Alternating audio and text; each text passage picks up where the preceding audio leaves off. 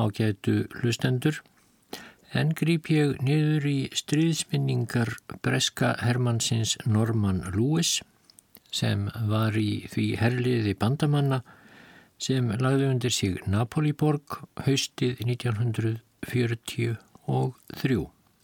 og það var komið langt fram í oktober þegar ég let staðarnumið í síðasta þætti. 20. og 3. oktober Mikil ótti greipum sig í borginni nú í morgun þegar náðist þýskur flugumadur og hann heldur því fram að enn sé fjöldinallur af þýskum tímasprengjum og jarðsprengjum ófundin í kjöllurum og húsagrunnum hingað hangaðum borgina, ekki síst í miðbænum. Raunar fullirti hann að sprengjurnar hefðu allar verið tengdar saman með ramagsnúrum og stiltar þannig að þær myndu allar springa í loft upp um leið og ramagsveitan í borginni er þið aftur sett í gang en það átt að gerast klukkan tvö í dag.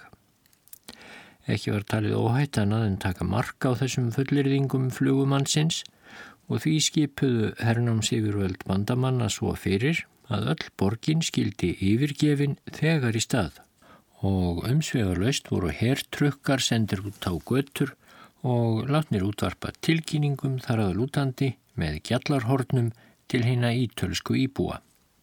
Það var ótrúleg sjón, satt að segja, að sjá þann mikla flótta sem nú brast á þegar ein og hálf miljón manna þustu skindilega frá heimilum sínum og tróðust út á göttu og út úr bænum. Það var eins og skollin væri á einhverju biblíuplága. Allir stemdu sem hraðast upp í hæðirnar fyrir ofan borgina, Vomero og Fontanelli og Capodimonte, þar sem stjörnuatögunarstöðin er. Og þegar ég segi allir, þá meina ég allir, líka þá rúmlíkjandi, deyjandi og konur í miðju kafi að eignast börn, að ekki sé minnst á sjúklinga, bæði líkamlega og andlega, sem lág á sjúkrastofnunum hingað og þangaðum allan miðbæin. Þessu fólki var öllu að koma burt sem skjótast. Flugumadurinn Þíski hafði getið þess sérstaklega að hvorki meirinni minna en 5.000 jarðsprengjum hefði verið komið fyrir undir hinn í rísastóru byggingu sem hýsir hið mikla sjúkrahús 92 sem nú var fullt út úr dyrum af særðum fórnarlömpum stríðsins, bæði hermönum og óbreyttum borgurum og nú þurfti að koma öllu þessu fólki burt á fáeinum klukkustundum áður en sprengjurnar tættu sjúkrahúsbyggingarnar í sundur. Deildin mín í Palazzo Ravaceri komst ekki á brott fyrir en rétt fyrir hádegi þegar svolítið var farið að draga úr mannþrönginni á göttunum. Það var samt nóg af örvæntingar fullu fólki þar enn. Ég sá marga karla með báða aldraða fóreldra sína á bakinu, skjögra eftir göttunum og þegar ein einstök sprenging hvað við í nágrenninu varð algjör ringulreið og konur og börn löpu æpandi í allar áttir og skildu eftir sig tauma af hlandi. Uppi í vómir og hæðunum komum við okkur fyrir efst í götuveitni sem hafi verið breykkuð sérstaklega til þess að fólk gæti betur notið þaðan útsýni sinns yfir borgina. Og útsýnið var sannarlega ægi fagurt. Öll Napolíborg lág fyrir fótum okkar eins og ævafond landakort sem kortagerðarmadurinn hafi vandað sig alveg sérstaklega við og dreyið svo fagurlega upp hvert smáatriði í almenningsgörðunum, höllunum, törnunum og þakkvelvingunum. Þarna sem ég beigð eftir að sjá borginna tortímast, þá gerði ég mér í fyrsta sinn alminlega grein fyrir tilkomu miklum glæsileika Napoli. Þegar fjarlægðin hafi rofið himnu þess skýts sem stríðið hafi kallað yfir hana. Og þarna gerði ég mig líka í fyrsta sinn grein fyrir því hver óevrópsk, hver austræn þessi borg er í rauninni. Engin reyfing sást nema flögrandi hópar dúbnana og engin reyfði sig og engin sagði orð þarna upp í hæðunum þegar vísar klukkunar nálguðust tvö og við byðum eftir stund eðileggingarinnar. Klukkan fjögur kom skipunum að allir mættu fara heim. 20. og 4. oktober. Hersöðingin sem stýrir örgismálum í Napoli hafði samband við okkur í deildinni nú í morgun og sagði okkur að komið væri á daginn að þetta ótrúlega uppistandi í gær hefði verið aflýðing vandlega skipulaðs samsæris um að valda sem mestri tröflun á daglegu lífi íbúa borgarinnar og draga úr trösti þeirra á endurreysninni undir stjórn bandamanna. Ungur þýskur hermaðaranafni Sáró hefði bóðist til að verða eftir þegar þjóðurjar heipjöðu sig burt og þegar hinnar tímastiltu jarðsprengjur byrjuði að springa þá ótt hann að gefa sig fram við bandamenn og halda því fram eins og hann gerði að samskonar sprengju knippi væru undir allir í borginni og því erðu allir að flýja sem skjótast. Hersöðingin var ofsa reyður og hvaðst vilja líta á þennan dáta sem njóstnara og því skjótan. Og mér var nú fyrirskipað að fara á fund Hermannsins þar sem hann var gemdur í fangelsinu í Poggio Reale og gefa síðan skýrslu um framburð hans og ástand svo yfirvöldin getu ákveðið hvort hægt væri að raukstiðja það lagalega að láta taka sáróð þennan af lífi. Ég lagði því af staði í fangelsið. Í fangelsi hafði ég aldrei komið áður. Nefna reyndar þegar upplýsingadeildin mín var að verða til í allsýr þá um vorið. Þá hafðu hersveitir bandamanna tekið Norðurafríku ströndina af frönsku vissi stjórninni sem hafði samvinni við þjóðurja. Í bænum Filippvill í allsýr hafði ég verið sendur í fangelsi til að ganga frá lausn Morenos nokkurs sem heldi fram að vissi stjórnin hefði stungið sér inn að því hann væri hugdjarfur málsvari frjálsara frakka. Setna kom reyndar í ljós að Moreno þessi var ekkert annað en ótíndur útsendari síkileisku mafíunar á Norður Afrikuströndinni en það er önnursaga. Mér hafði ekki beint litist á blikuna í fangelsinu í Filippvill en það var það satt að segja aðalega einn djúb hóla niður í jörðina sem aröpum sem ekki vildu sætta sig við yfiráð frakka var stungið onni og þeir voru geimtir þar í algjöru myrkri. Eftir þau kynni þá verði ég að viðurkenna að fangelsið í Poggio Reale kom mér næstum þægilega óvart. Ég bar fram erindi mitt við embættismann sem hafði aðsettur í kompu millir ytri og innri múranna og var kompan umkringt grátandi konum. Maðurinn saði eitthvað á Napoli málískunni sem ég skildi alls ekki og svo fór hann að skelli hlæja. Mér síndist hann vera alveg kolgeggjaður. Þegar við komum að hliðinu á innramúrnum þá snýr hann bakinu að vegnum en þá flissandi og bladrandi einhverja óskiljanlega vittleysu svo sett hann hendurnar fyrir áttan bak valdi rétta líkilinn af stóri kipu bara með snertingunni einni og stakk honum svo heiklaust í lásinn og opnaði. Þetta var greinilega einhvers konar síning á því hvað hann væri flinkur dýravörður. Öllum gestum líklega bóðið upp á þetta sjó og mér var nú ætlað að dásta því. Liðið opnaðist, klikkausinn en þá skæl brosandi af stolti bandaði mér áfram og ég steg nú inn í rökkur heima þessa fangelsis. Andrumsloftið var þrungið ríki, fúa og miklu sem fyllt í lungun og bergmálið frá járnliðinu ómaði lengi í eirum mér. Næst kom ég að Ufficio Matricola, skráningarstofunni. Hún var skítu og dimm en það var búið að mála yfir alla glugga Svo ljósað innan vektu ekki aðtikli þýskra flugmanna með sprengjuhlass í hálóftunum. Þarna sátu nokkrir þreytulegir, órakaður og tuldrandi starfsmenn sem virtust engu ánægðari með sitt mynda skelvilega frelsi heldur en niðurlútir fangarnir sem ráfuðu um þarna fyrir innan og átti að heita að þeir væru að sinna hrengjerningum. Þarna á skrifstofunni tókst mér um síður að komast að því hvar flugumadurinn Þíski, Sáró, væri niðurkomin og fangavörður böðist til að vísa mér til hans.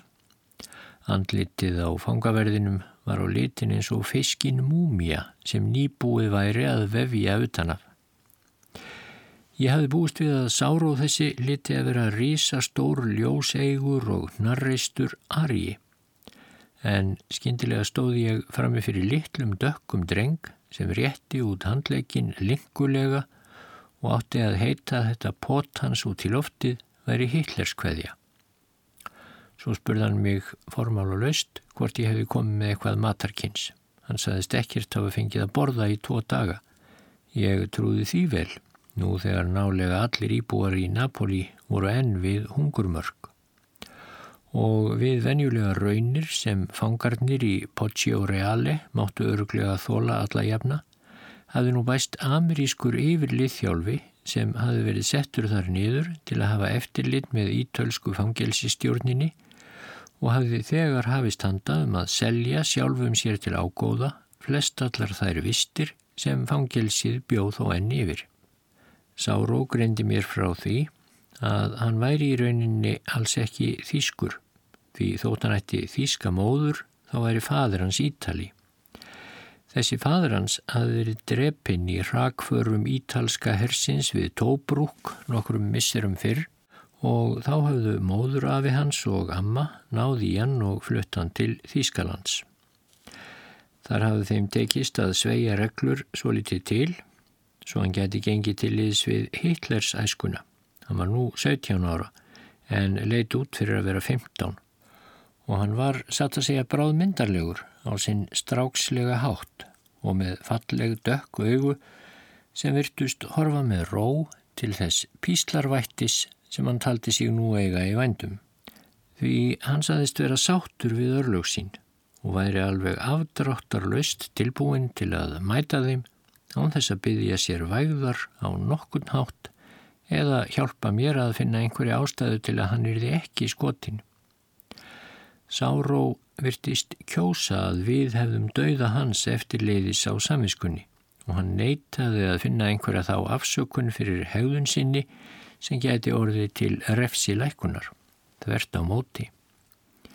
Ég gerði allan þann skada sem ég gatt, saðan stoltur. Það sem ég gerði var gert fyrir der fýrur því megið skjóta mig hvenar sem þið viljið. Þessi löngun sárós eftir píslarvætti er orðið vandamál. Þótt hersöðingjar vil ég nú yfir leitt öðulast orðstýr fyrir rösklega og vægðarlösa framgöngu, þá virðast þýr í reynd oftar en ekki vilja komast hjá henni síðferðilegu ábyrð af ákvörðunum eins og þeirri hvort skjóta eigi sáró Þeir vilja að minnst okkosti koma ábyrðin yfir á aðra. Nú hafði hersöðingin falið Major að nafni Davis að taka loka ákvörðun um örlög Sárós og ég fann að Majorinn var heldur tregur til að gefa þá skipun að pilturinn yrði skotin. Og ég þóttist líka skinja, þótt ekkert væri sagt berum orðum, að deildin mín myndi ekki erfaða við mig ef ég fyndi einhverja tilli ástæðu til að losa Sáró við aftökusveitina. Og það passaði mér satt að segja mjög vel því ég hafði ekki minnstu löngun til að bera ábyrð á dauða 17 ára ofstækismanns. Ég skrifaði þess vegna í skýslu mína að Sáró væri augljóslega veitskertur og gæti ekki borð ábyrð á gjörðum sínum. Mér grunnar að allir hafi voruð fegnir þeirri niðurstöðu og hún var samþygt ummyrða löst. 20. og 8. oktober Napoli búar taka kynferðislíf sitt mjög hátilega, sínist mér. Konan okkur er kalluð Lola en hana heitti ég í matarbóðunu hjá Signore Gentile.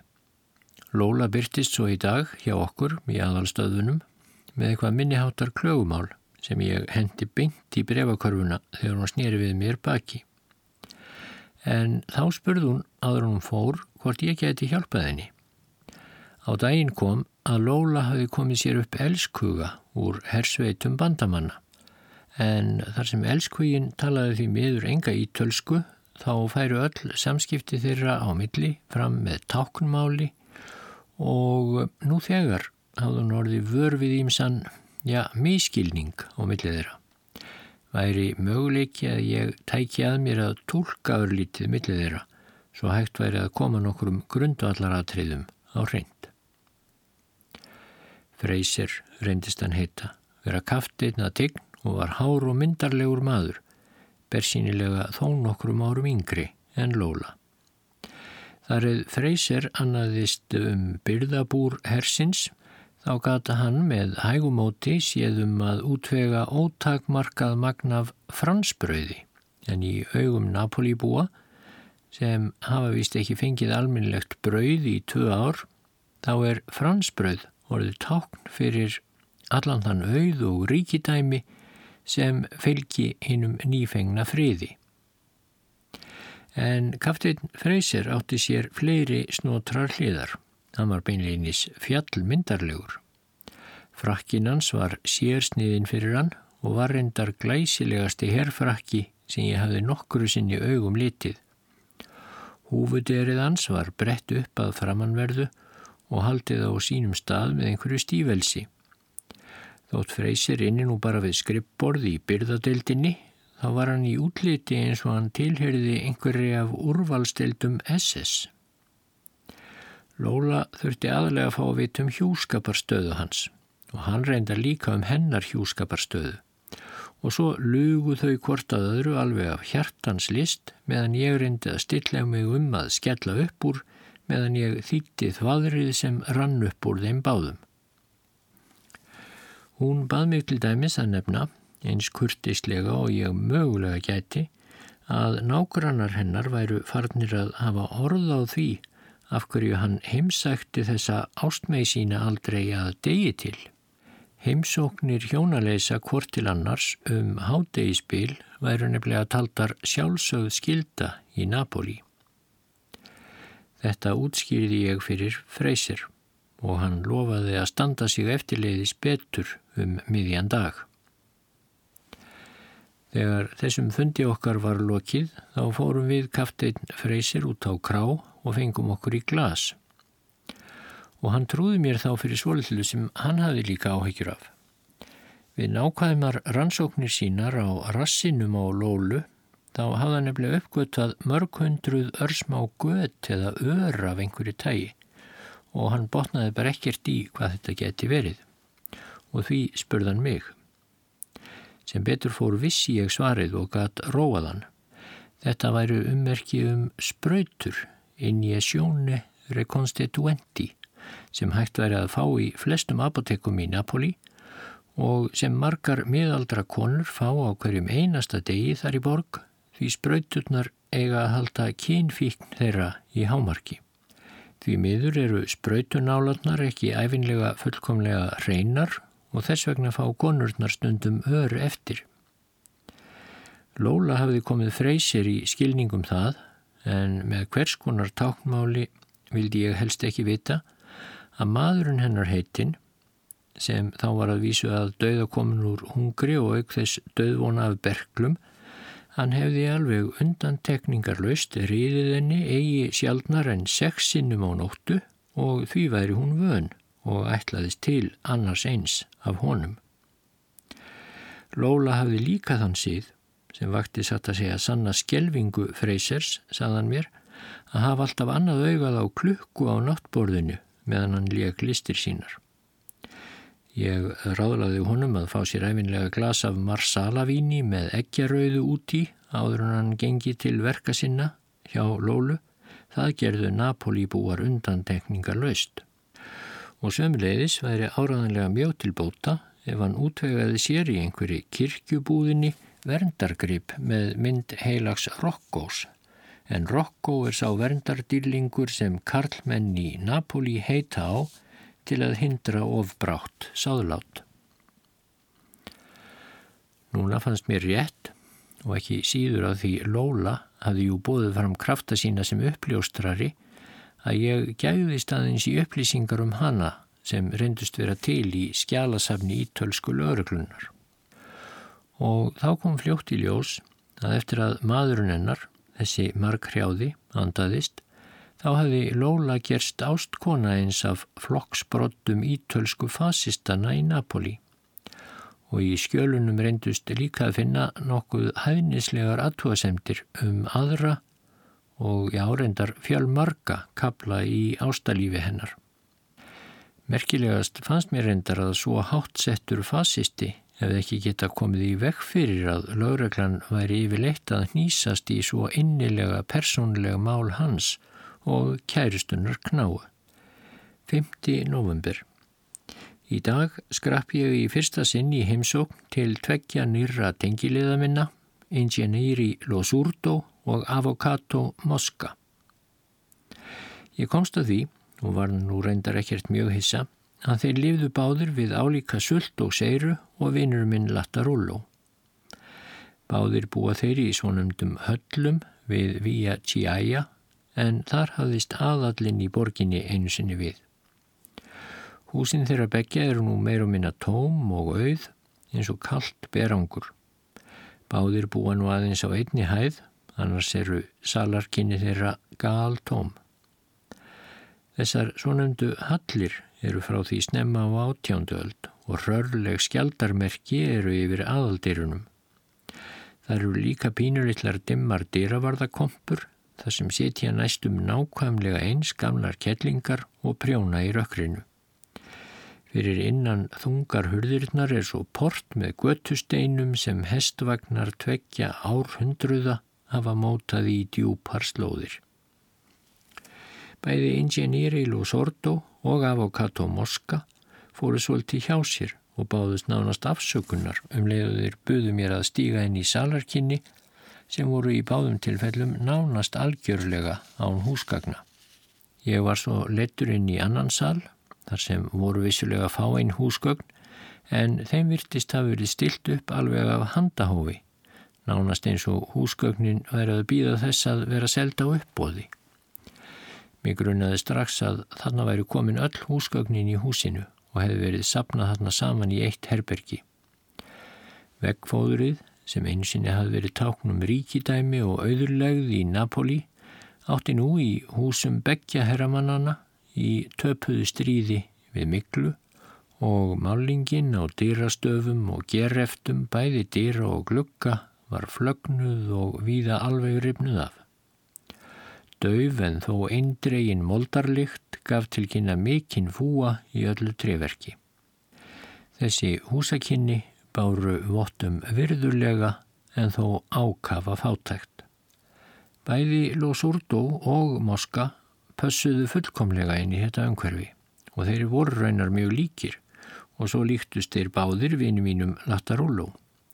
Þeir hefðu satt að segja allir þrýr getað verið úr sömu fjölskyldunni Þeir voru allir fórnarlömp þeirrar fjallgrimmu sannfæringar ágætlega stæðra yfir og millistjættar fjölskyldna í Napoli á ákveðinu tímabili að sínirnir yrðu að fá virðulega mentun sem lögfræðingar, verkfræðingar, læknar eða annað fyrir um líkt sem allir því að svo gríðarlega fjölgaði í þessum stjættum að stæstur hluti þeirra fekk bókstaflega ekkert að gera og þeir lifðu því í rauninni við sult og seiru þótt yfirbragðið væri fágað og virðulegt. Ég fekk á tilfinninguna að allir þrýr hefðu verið of fátækir til að byggja sér konu, of fátækir reyndar til að gera nokkur skapaðan hlut, nema halda af mikilli þrautsegju og staðfestu uppi merki baráttu fjölskyldna þeirra við að teljast til höfðingja. Allir áttu þeir til að missa út úr sér eins og af tilviljun og helst til feimnislega einhver smáatriði úr sögu fjölskyldunar eða eitthvað sem gaf til kynna hversu vel þeir voru þrátt fyrir allt tengdir. Forfæðir Lattarullós hafði til dæmis verið í herfóringjaráði Napolíbúa í baráttunni við Nelson flotafóringja og hérna frönsku búrbónkonga Moska hafði fulla heimil til að kynna sig sem greifa en nefndi því reyndar ekki þegar þarna var komið sögu. Þeir höfðu allir óaðfinnanlega en vissulega nokkuð fornlega mannasiði og að heyra þá tala saman var stundum eins og að hlusta á Shakespeare í ítalskri þýðingu. Allir höfðu þessir þrýr herramenn sætt sig af miklum virðuleik við að lifistandard þeirra væri mun lægri en hjá venjulegri verkamannafjölskyldu í Napoli. Núna þessa dagana neyist maður kannski til að kenna stríðinu og meðfylgjandi hörmungum um það hvernig komið er fyrir þessum þremur herramönnum en þegar maður er farin að kynnast borginni og sögu hennar nánar þá áttar maður sig á að það er ekki nema hálf sagan og fátækt þessara þryggja vinaminna á sér mun dýpri og floknari rætur. Stríðið hefur vissulega aukið á einn þeirra en þetta er gömul saga. Franski rittvundurinn Alexander Dumas hafðist við í Napoli í nokkrar vikur árið 1835 og hann skrifaði að í borginni væru aðeins fjórar fjölskyldur sem lifðu bílífi. Um það byrj 20 fjölskyldur til viðbótar væru ljómandi velstæðar en allir aðrir íbúar í borginni ættu í mesta bastli með að láta endan á saman. En það sem skipti öllu máli var að eiga vel málaðan og þokkalega vel viðhaldin hestvagn og tvær byggjur til að spenna fyrir hann, geta stilt upp á vagnin enga þjóni í snjáðum enkennisbúningi og svo þurftu allir fyrst og allra fremst að hafa aðgangað enga stúku í óperuhúsinu San Carlo en þar fór félagslíf fína fólksins að langmestuleiti fram. Fólkið nánast bjó í þessum vögnum eða í stúkunni í leikhúsinu en gestum var aldrei hlift næri heimilum fólksins og alveg sérstaklega þá voru dýr heimilanna harðalæstar og lokaðar útlendingum eins og Duma. Hans niðurstað var svo að allar fjölskyldur í Napoli þyrtu beinleginis að telja hverja líru til að skrimta nema svona um það byrj 20 þær ríkustu og mér sínist að ástandið sé enn nokkurn veginn það sama, núna réttrúmri öld síðar. Kunningjar Duma í Napoli rættu eins og um sjálfsaðan hlut og verulega sannfærandi um hlutskipti ætta þeirra á fyrirtímum og þá voru þeir jafnvel að tala um tíma Rómaveldis keisarana en þeir áttu ekki nú að borða. Eð mynda yfirstjættarfólk í Napoli á þessum tíma. Það borðaði bara eina máltíð á sólaring klukkan 2 eftir hátegi á vetuna og um miðnætti á sumrin. Maturinn var nærði í jafn næringarsnauður og fábreyttur og sullið í fangilsunum. Alltaf nokkrar makarónur sem voru bragðbættar með einhverju mjósleiknu fiskkríli og þessu var skólað niður með Asprino da Versa drikk sem Duma saði að svipaði meira til beiskjublandins eplasafa en víns. Til þess að veita sér stökusinnum eitthvað stórkoslegt bröðul eða lúksus þá stunduðu þessir örsnauðu aðalsmenn að neyta sér um brauð eða makarónur í heilan dag en geta þá í staðin keft sér ís sem þeir borðuðu svo stoltir í bragði á Café Donzell þangað sem allir komu og gáttu dáðsta því hver viðkomandi væri vel stæður og áhyggjuleysum tilveruna að geta lift sér annað eins og þetta, einn ís á Café Donzell. Í þá daga var starfi utanrikistjónustunni eina atvinnan sem stóð til bóða ungum manni af verðurlegri fjölskyldu, skrifaði Duma en þar sem hið þáverandi konungsríki Napoli borgar bauð ekki upp á nema 60 slík störf, þá segir sig sjálft að 90% umsækjenda um þessi störf urðu að sætta sig við höfnun og yðjuleysi upp frá því.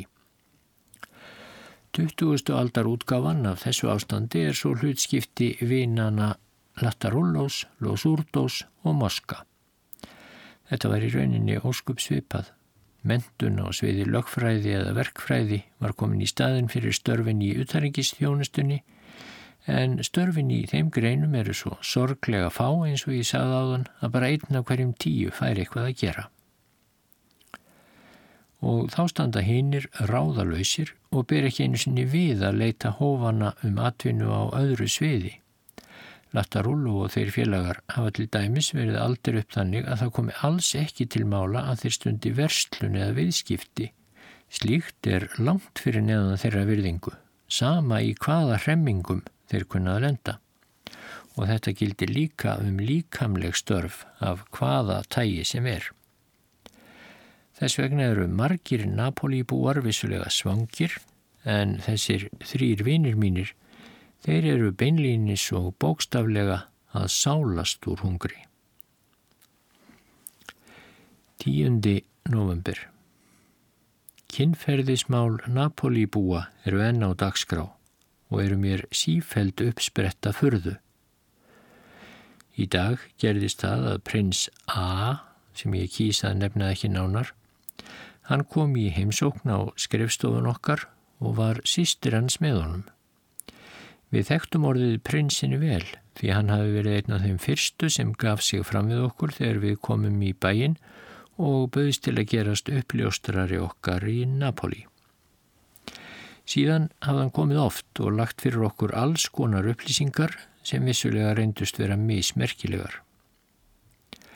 Sistur hans höfðu við hins vegar aldrei séð áður. Prins A er eigandi að gríðar mikilli landaregn einhver staður í söðri og hann á nálega höll sem er full af þunglindislegum málverkum af forfæðurum og mæðurum og svo kynverskum antíkmunum. Prins A er höfuð aðalsættar sem er vist talinn hinn önnur eða þriðja merkilegasta á söður Ítalju. Prinsinn er svonum þrítugt og sýstir hans geti verið 24 ára. Þau eru ótrúlega líki útliti, mjóslegin með óvinjulega fölan húðlitt og kaldan þóttasvip svo jæðrar við hroka. Tilgangur heimsóknar þeirra til mín var að kannakvort sýstirinn geti fengið vinnu í hóruhúsi Breska hersins.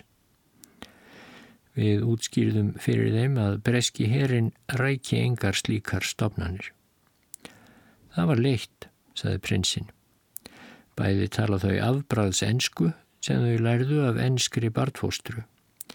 Jæja, Lúísa, sagðan svo við sýstur sína, þá nær það vist ekki lengra, ekkert hóruhús fyrir þig. Svo kvöttuðu í róliheitum og kurtislega og fóru. Í síðustu viku fekk félagi minn úr deildinni skilabóð frá einum tengilið sínum, sem er kona, um hvort hann geti fyllt en út í kirkjugarð hér í Napoli síðdegis næsta sunnudag. Maður verður að sinna uppljóstururum sínum af kostgefni, bæði í stóru sem smáu og þess vegna var hann alveg tilbúin til að láta þetta eftir henni og ímyndaði sér að hann ætti að fylgja þessari vinkonu sinni að grafísi fjölskyldu hennar til að leggja þar væntanlega vönd af treyðablómum sem eru til sölu við kirkjugarðs hliðin. En þau voru alltaf komin inn í kirkjugarðin þegar konan dróan bak við stóran leggstein og þótt bísna kallt væri í veðri þá lagðist hún nú niður og dró pilsin sín hátt upp á lær. Og þá sá hann allt í einu að hinga og þangað í nágrennu í kirkjugarðinum voru önnur pör bersýnilega störfum þannig flenni byrtu síðdegis á sunnudegi. Það lág fleira fólk ón á leggsteininum heldur hann undir þeim, saðan við okkur þegar hann lísti þessu. Það kom á daginn að það er vist plagsíður í Napoli að nota kirkjugarðana fyrir ástarfundi og þetta er svo rótgróin síður að fólk verður í rauninni ósýnilegt um leiðuða stígur inn um kirkjugarðslið. Ef einhver sér einhvern sem hann eða hún þekkir eða svo mikið sem kannast við á ástarfundi í kirkjugarði þá er stránglega bannað að hilsa eða svo mikið sem kinga kolli og það er meira sig að bannað að nikka til einhvers sem var kannast við í strætónúmer 133 því allir vita að strætónúmer 133 er á leiðin út í kirkjugarð. Ég konsta því að ef maður býður stúlku að skreppa í rund með sér í strætónúmer 133 þá skilja það allir í Napoli þannig að maður vilji komast yfir stúlkuna. Einn félagi minn í deildinni heitir Parkinson og hann fegst við heilbreyðistjónustu í sínu borgarlega lífi fyrir stríð. Hann var því sjálfkjörinn til að eiga fyrir okkar hönd við læknana í Napoli. Einn af gildustu tengiliðum hans er professori Placella en sérgrein þess góða professors er víst að endur nýja megarhaft stúlkna. Placella stæri sig á því að endur nýjaða megarhaftið sé miklu betra en það upprunnulega. en þó takja hann aðeins 10.000 lýrur fyrir aðgerðina. Og hann staðhæfir í fúlustu alvöru að það taki jáfnvel hinn þróttumesta einmann þrjár nætur að vinna á megarhaftinu frá sér. 15. november Latarullo bauði mér til hátegisverðar. Ég sáð honum að hann hefði engin efni á því og hvaðan ætti maturinn svo sem að koma. Dularfullt brosleikum varir hans þegar hann svaraði það kemur í ljós. Honum var svo áfram um að ég þægi bóðið að ég hlaut náttúrulega gera það en áður en ég helt heim til hans við Vía San Felice þá pantaði ég mér nokkra marsaladrykki á barnum okkar og stakk hinnum meðfylgjandi eggjum í vasamir til að færa honum. Þegar ég kom heim til Latarúlós þá reyndist þar vera annar gestur sem hann kynnti fyrir mér sem Cavaliere Visco. Cavaliere Visco var lítill maður með gríðarlegar augabrúnir, andfúll og með sérlega loðnar hendur. Það var væglikt af matseld í loftinu og virtist jafn framandlegi í íbúð Latarúlós og reykjelsi silmur í hóruhúsi. Og ung stúlka úr nágrenninu hengslaðist um í hodnunum með kúst og átti að heita að hún væri að taka til. Að napolískum síð hafði Latarúló fengið lánaðan stól hér og disk þar og nývapör á enn einum staðnum en í þetta sinn kom hinn síðasta verðmæta eign hann sjálfs en fremur að góðum notum. Þetta er Silfurbakki einn fagur sem sagt er að Viktor Emanuel konungur hafi gefið einhverjum forföður hans og Latarullo hafi tekist að halda í gegnum þygt og þund. Stúlkan lagði nú frá sér kústinn, þurkaði af höndum sér á kjólnum sínum, fór fram og kom brátt aftur með Silfurbakkan. Ég hafði séð þennan glæsigrip áður með sínum smágerðu og ægifögru myndum af ástarguðum og vinnviðarlaufum en bara gegnum rifur í umbúðapapirnum sem venjulega var vafið um bakkan. En nú var bakkin þarna í öllu sínu veldi, fín púsaður og ég varð vissulega þrjumu lostin yfir því hver flottur hann væri. Um leið og stúlkan bar þessa fegurðinn og kom varlega fyrir á borðinu þar sem lagt hafði verið á borð fyrir þrjá, þá var eins og bakkin sogaði að sér alla byrtu herbergisins og Latarullo og Cavaliere Visco urðu enn fölar en áður og Visco breytti út loðna lofana í áttað matnum á bakkanum. Maturinn sem við settumst nú að reyndist vera lítill blöytur haugur á miðjum þessum risastóra fagurlega skreitta silfurbakka og hafið ekki leiði ljóst fyrir að útlitinu þá fann ég þegar af lyktinni að þetta var réttur komin beint frá Hermanna eldhúsinu okkar bandamanna og nefndist þar kjött og grænmetti og þykir reyndar ógeðislegastur allra rétta sem Hermanna kokkar bjóða upp á. Þetta er límkend klessa af mauksóðnu en þó segu lambakjöti og í þetta sinn var hún umkringt tæjum af dökk gráu brauði sem ég vissi að selt væri á svartamarkaðunum. Það kvein í viskó af tilhugsun yfir því að fá að leggja sér þetta góðgeti til munns og þegar mér varð hugsað til þess hvílikt erfiði, skipulagningu og fórnir það hafði áraðanlega kostað Latarúló að útbúa þennan málsverð, þá reyndi ég eftir mætti að þykjast ánægður líka. En eftir matinn þá skýrði Lattarólo fyrir mér tilgang þessara samkundu. Hann saðist nú vera gengin í samtök aðskilnaðar sinna sem helguði sig því göfuga verkefni að endurreisa konungdæmi hinn að tvekja síkilega. Svo hétt lengst um í gamla daga það sjálfstæða ríki í söður hluta Ítalju þar sem Napoli var höfuðborg. Söður hluti Ítalju og Sikilei ættu enn, saði Lattarólo, menningarlega og efnahagslega samleið og þar hefði líka aðeins ríkt velsælt þegar þessi tvö svæði hefðu einnig átt pólitíska samleið en ekki verið kúguð af Norður Ítalju Staðrindin væri svo, eins og allir ítalir vissu vel, að söður hluti landsins væri í raun nýlenda hins yðinvæta norðurs. En á þessum tímapunkti tók kavaljeri Visko við. Nú stendur söðrið framifyrir nýri hættu, sagðan. Núna þegar fasismin er hrunin, þá er sveifla til vinstri óhjákvæmileg.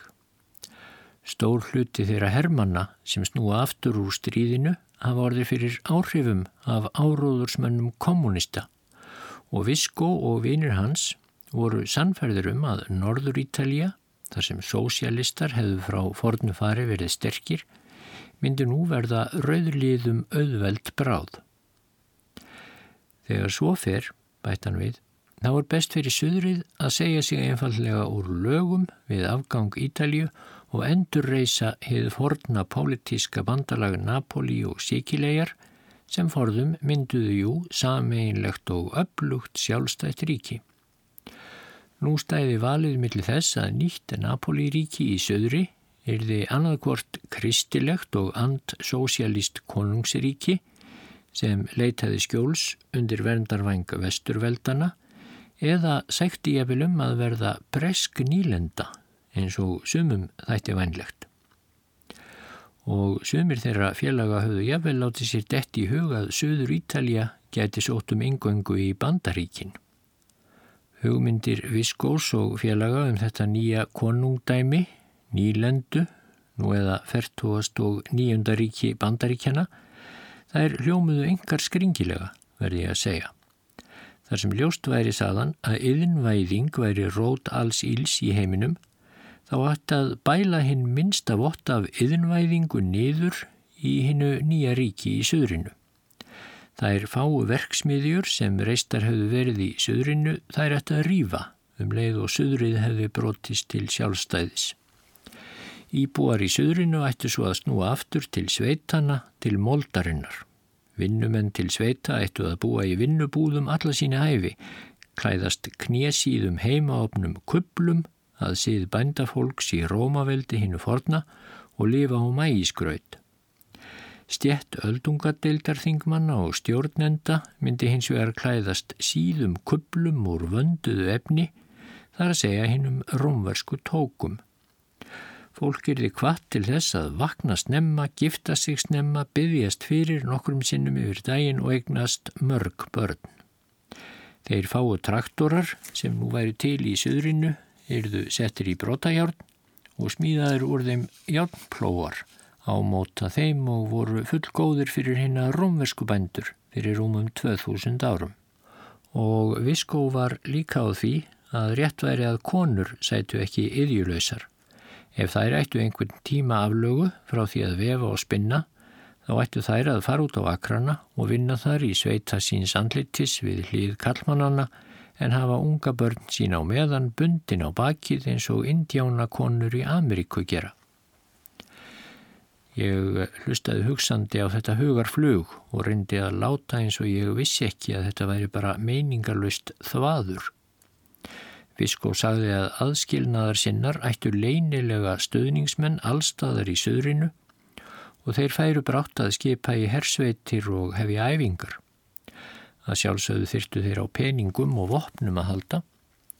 Hann hvaðst vonast til þess að bandamenn gerðu sér grein fyrir því að allur sástuðningur sem þeir gætu veitt við að koma á fót andkommunísku ríki á svo mikilvægu svæði heimskringlunar væri mjög góð og í rauninni sjálfsögð fjárfesting. Að lokum tjáðan mér að aðskilnaðar sinnar myndu þurfa á þrautreindum liðsforingjum að halda. Hann hvaðst ætla að þjóðverjar yrðu búin að gefast upp, eigi síðar ennum jólinn og þá þegar byggust aðskilnaðar sinnar við að þeir getu hafið sókn sína. Viskó hvaðst tilbúin til að bjóða mér og hverjum vinnavinna sem vildu fóringja tign í herr aðskilnaðar sinna strax og við getum fengið okkur lausa úr herjum bandamanna. Þú getur sest hér að eftir stríðið, saði Visko, sest hér að og orðið auðugur landeigandi. Þú getur lifað eins og barón, til hvers að fara aftur til Englands og hýma þar í eilífrið þokku. Ég hlustaði á þetta eins hátilegur og svip og ég gatt en áttu nú erfitt með að skella ekki upp úr. Að lokum saðist ég myndu hugsa málið og kvatti. 20. og 7. november 1943 Flest veitingahúsinn í Napoli hafa nú opnað aftur og allstaðar eru þau full af liðsfóringjum bandamanna þótt í orði kveðnu hafi verið settar skorður við hvar þeir megi halda sig og hvenar. Svartimarkaðurinn blómstrar í veitingabransanum og sumt kostar ótrúlegar upphæðir. Á einu besta veitingahúsinu, Sí Teresa, er stór humar sagður kosta alltaf heilu sterlingspundi og góð fiskmáltíð kostar tíu skildinga sem er algjört okkur. Vínið er jafn dýrkeft Chianti frá þokkalegri vínekru kostar 5 skildinga flaskan. Það er samt fullkomin óþarfi fyrir okkur að borga þessi fáranlegu verð sem upp eru sett.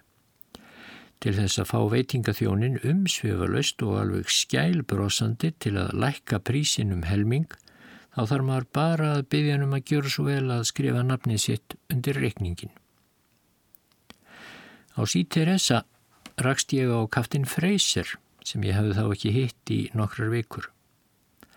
Breytingin á útliti þessa góða dáta var satt að segja ótrúleg. Hann satt aðleitn og dapur á svip að þræla í sig einhverju hálfhráu vaskendu kveljusulli innan úr brotnum og sundur limuðum ígulkerjum og það var alveg ljóst að hann var ekki að borða þetta að því honum þætti það ljúfengt. Ég settist hjá kaftinni freysir og við áttum langt spjall í trúnaði. Hann saði mér að honum hefði verið eindreið ráðlagt að borða eins mikið og hann gæti af alls konar skjelfiski til þess að laga ákveði vandamál sem gerðu enn vart við sig í annars ástríku sambandi hans við Signore Lólu. Í völundarhúsi svartamarkaðarins reyndist hann þrátt fyrir höfuðsmanns laun sín ekki hafa efni á öðru en ígulkerjum og fannst þetta satt að segja argasta kvöl og pína. En Signora Lola, já, hún krafðist þess að hann kannski ekki alveg sexinum á nóttu en alloft, já, alloft. Freysir höfðusmaður fannst mér nú orðin bæði hóraður og ótrúlega rýr.